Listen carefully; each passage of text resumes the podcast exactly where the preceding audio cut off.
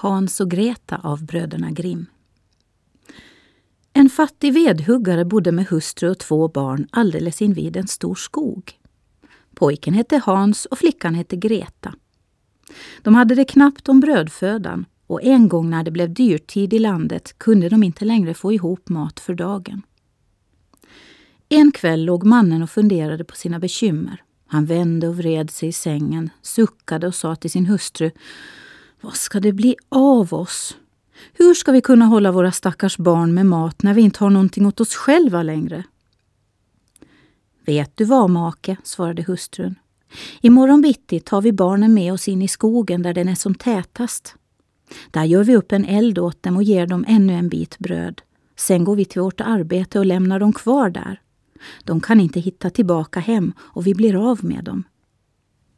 Nej, hustru, sa mannen, det gör jag inte. Hur skulle jag ha hjärta att lämna mina barn ensamma i skogen? De vilda djuren skulle snart komma och riva ihjäl dem. Åh, du din tok, sa hon. Då svälter vi ihjäl alla fyra och du kan lika gärna sitta igång att hyvla brädor till likkistorna. Och hon lämnade inte mannen någon ro förrän han sagt ja. Men det gör mig ont om de stackars barnen, sa han. De bägge barnen hade varit så hungriga att de inte hade kunnat somna. De hade därför hört vad styvmodern hade sagt till deras far. Greta började gråta och sa till Hans, nu är det slut med oss. Lugna dig Greta, sa Hans. Jag ska nog hitta på någonting. Och när föräldrarna hade somnat steg han upp, drog på sig rocken, öppnade bakdörren och smög sig ut. Det var klart månsken ute och kiselstenarna som låg framför huset blänkte vita som silvermynt. Hans böjde sig ner och plockade så många stenar han kunde få ner i rockfickan. Sen gick han in igen och sa till Greta.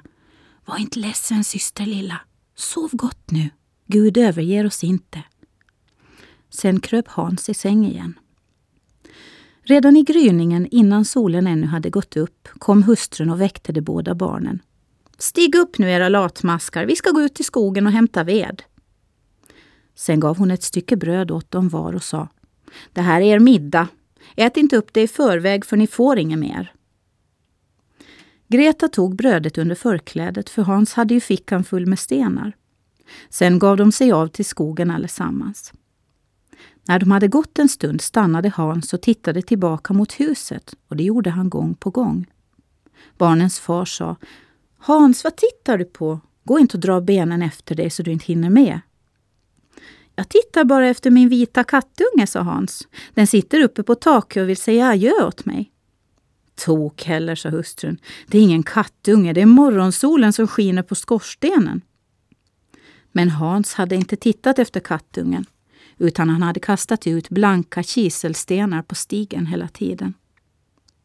När de hade kommit in i skogen sa fadern Samla nu ihop ved barn, jag ska göra upp eld så ni inte fryser. Hans och Greta drog ihop en stor hög med ris och när elden flammade med hög låga sa hustrun Lägg er nu här vid elden barn och vila er. Vi går bort och hugger ved. När vi är färdiga kommer vi tillbaka och hämtar er. Hans och Greta satt vid elden och när det blev middagsdags åt de upp varenda brödbit. De hörde yxhugg och därför trodde de att deras far var i närheten. Men det var inte yxan de hörde, utan det var en trädgren som han bundit fast vid ett torrt träd och som slog fram och tillbaka i blåsten. De satt där så länge att deras ögon föll ihop av trötthet och de somnade tungt. När de till slut vaknade var det redan svart natt. Greta började gråta. Hur ska vi nu hitta ut ur skogen? sa hon. Men Hans tröstade henne. Vänta bara en stund tills månen har gått upp, sa han. Då hittar vi hem. Och när fullmånen stigit upp tog Hans sin syster i handen och följde kiselstenarna. Det glänste som nypräglade silvermynt och visade vägen för barnen. De vandrade hela natten och i dagningen kom de tillbaka till sin fars hus. De knackade på dörren och när hustrun öppnade och såg att det var Hans och Greta sa hon Elaka barn, varför har ni sovit så länge i skogen? Vi trodde ju att ni aldrig skulle komma tillbaka. Men deras far var glad, för det hade gått honom hårt i sinnes att han hade övergivit dem. Snart blev det återigen nödtid på alla håll och barnen hörde hur modern på natten i sängen pratade med fadern. Nu är allting uppätet. En halv kaka bröd finns det kvar, sen är visan slutsjungen. Barnen måste bort. Vi får ta dem djupare in i skogen så de inte hittar hem den här gången. Det finns ingen annan räddning för oss. Mannen blev illa till mods och tänkte att det vore bättre om de delade sista munsbiten med barnen. Men hustrun lyssnade inte på honom. Hon bara grälade och kom med förebråelser. Men den som har sagt A måste säga B och eftersom han gett efter första gången blev han nu tvungen att ge efter för andra gången. Barnen var vakna ännu och de hade lyssnat på samtalet. När föräldrarna somnat steg Hans upp. Han tänkte samla kiselstenar liksom förra gången men hustrun hade låst dörren och han kunde inte komma ut. Han tröstade ändå systern och sa Gråt inte Greta utan sov gott. Den gode guden hjälper oss nog. Tidigt på morgonen kom hustrun och väckte barnen. De fick varsin bit bröd, men den var ännu mindre än förra gången. På väg till skogen smulade Hans sönder brödet i fickan. Han stannade ofta och kastade en brödsmula på marken. Hans, varför står du och ser dig om? sa fadern. Raska på nu. Jag tittar efter min lilla duva som sitter på taket och vill säga adjö, svarade Hans. Tok heller, sa hustrun. Det är ingen duva, det är morgonsolen som skiner på skorstenen. Men Hans kastade undan för undan alla brödsmulorna på stigen. Hustrun tog med barnen längre in i skogen än vad de någonsin förr hade varit. Liksom förra gången gjorde de upp en stor eld och hon sa Sitt kvar här barn, om ni blir trötta kan ni sova en stund. Vi går in och hugger ved i skogen och ikväll när vi är färdiga kommer vi och hämtar er. Vid middagstid delade Greta sin brödbit med Hans. Han hade ju strött ut sitt bröd på vägen. Sen somnade de och kvällen gick, men ingen kom till de stackars barnen. De vaknade inte förrän det var mitt i svarta natten och Hans tröstade sin syster och sa Vänta bara Greta tills månen går upp. Då kan vi se brödsmulorna som jag har strött ut. De visar oss vägen hem. När månen kom började de söka, men de hittade inte en enda brödsmula. De många tusen fåglarna som flög omkring i skogen och på fälten hade plockat upp allesamman. Vi hittar nog vägen snart, sa Hans till Greta.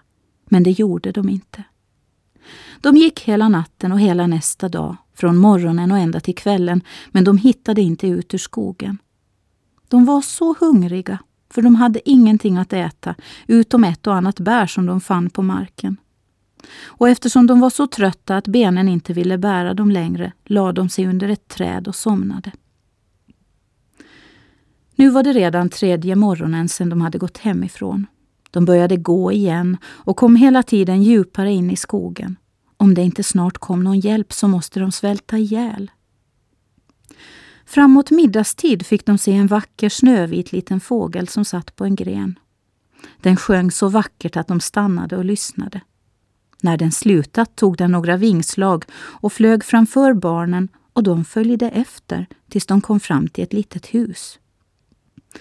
Fågeln satte sig på taket och när de kom nära såg de att det lilla huset var byggt av bröd och täckt med kakor och fönstren var av rent socker.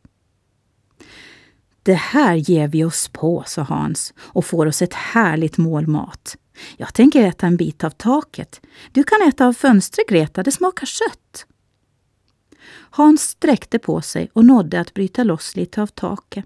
Han ville pröva på hur det smakade. Greta ställde sig att knapra på fönsterrutorna, men då hördes en röst inifrån stugan. Knapri, knapri, knus. Vem är det som knaprar på mitt hus? Det är bara blåsten, bara blåsten, sa barnen och fortsatte äta utan att låta sig störas. Hans tyckte att taket smakade gott och ryckte ner ett stort stycke. Greta slog ut en hel rund fönsterruta som hon satt sig att mumsa på. Plötsligt öppnades dörren och en gammal gumma kom linkande ut. Hon stödde sig på en käpp. Hans och Greta blev så förskräckta att de tappade vad de hade i händerna. Men gumman ruskade på huvudet och sa Kära barn, hur har ni kommit hit? Kom in barn och stanna hos mig. Här ska ni inte fara illa. Hon tog dem en i var hand och ledde in dem i huset.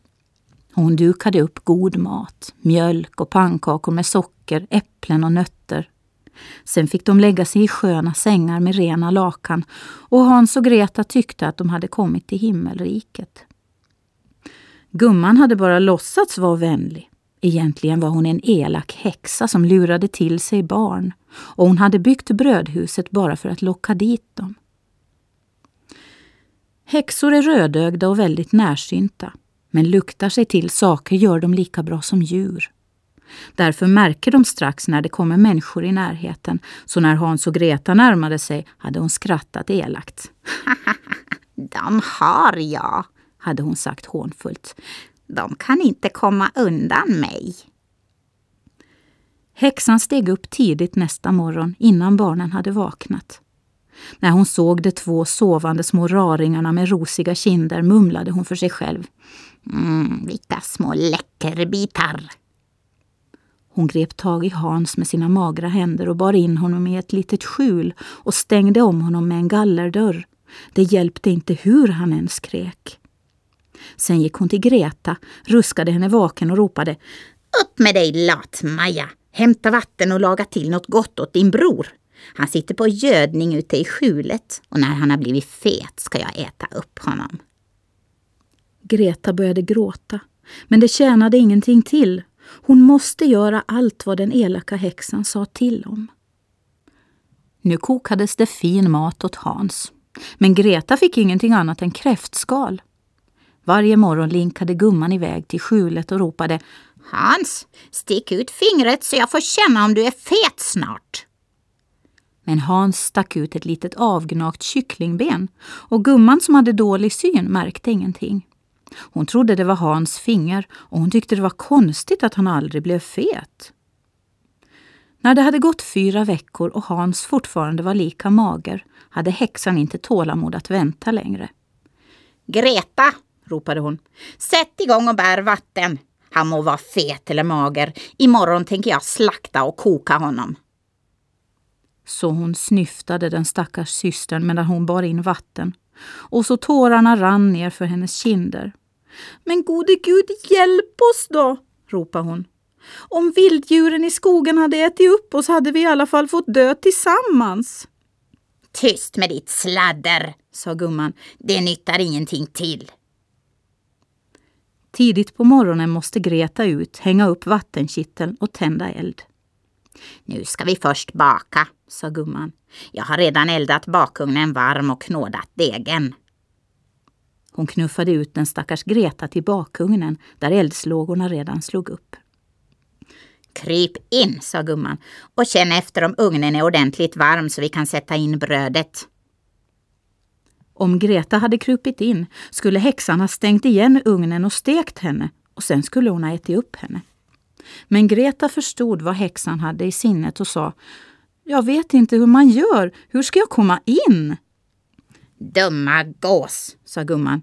Du ser väl att öppningen är stor nog. Den räcker ju till och med åt mig. Och hon kravlade sig fram och stack in huvudet i ugnen. Då gav Greta häxan en puff så att hon for långt in och sen stängde hon luckan och drog för regeln. Häxan började tjuta alldeles hiskligt men Greta sprang därifrån och den ondskefulla häxan brann upp. Men Greta sprang raka vägen till Hans, öppnade dörren till skjulet och skrek Hans, vi är fria! Den gamla häxan är död! Då sprang Hans ut, precis som en fågel som flyger ur buren när dörren öppnas för den. Så glada de var och så de kramade om varann. Och nu när det inte längre fanns någonting att vara rädd för gick de in i häxans hus. Och där stod det kistor med pärlor och ädelstenar överallt. Det här är faktiskt bättre än kiselstenar, sa Hans och stoppade fickorna fulla. Jag vill också ha lite med mig hem, sa Greta och fyllde sitt förkläde. Men nu ger vi oss av, sa Hans, så vi kommer ut ur den här häxskogen. När de hade vandrat i ett par timmar kom de till ett stort vatten. Vi kommer inte över, sa Hans. Jag ser varken spång eller bro.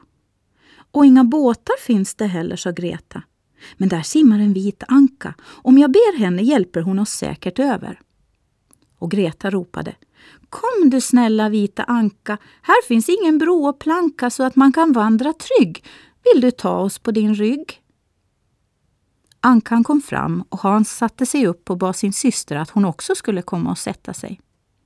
Nej, sa Greta, det blir för tungt för den stackars Ankan. Hon får ta oss en i sänder.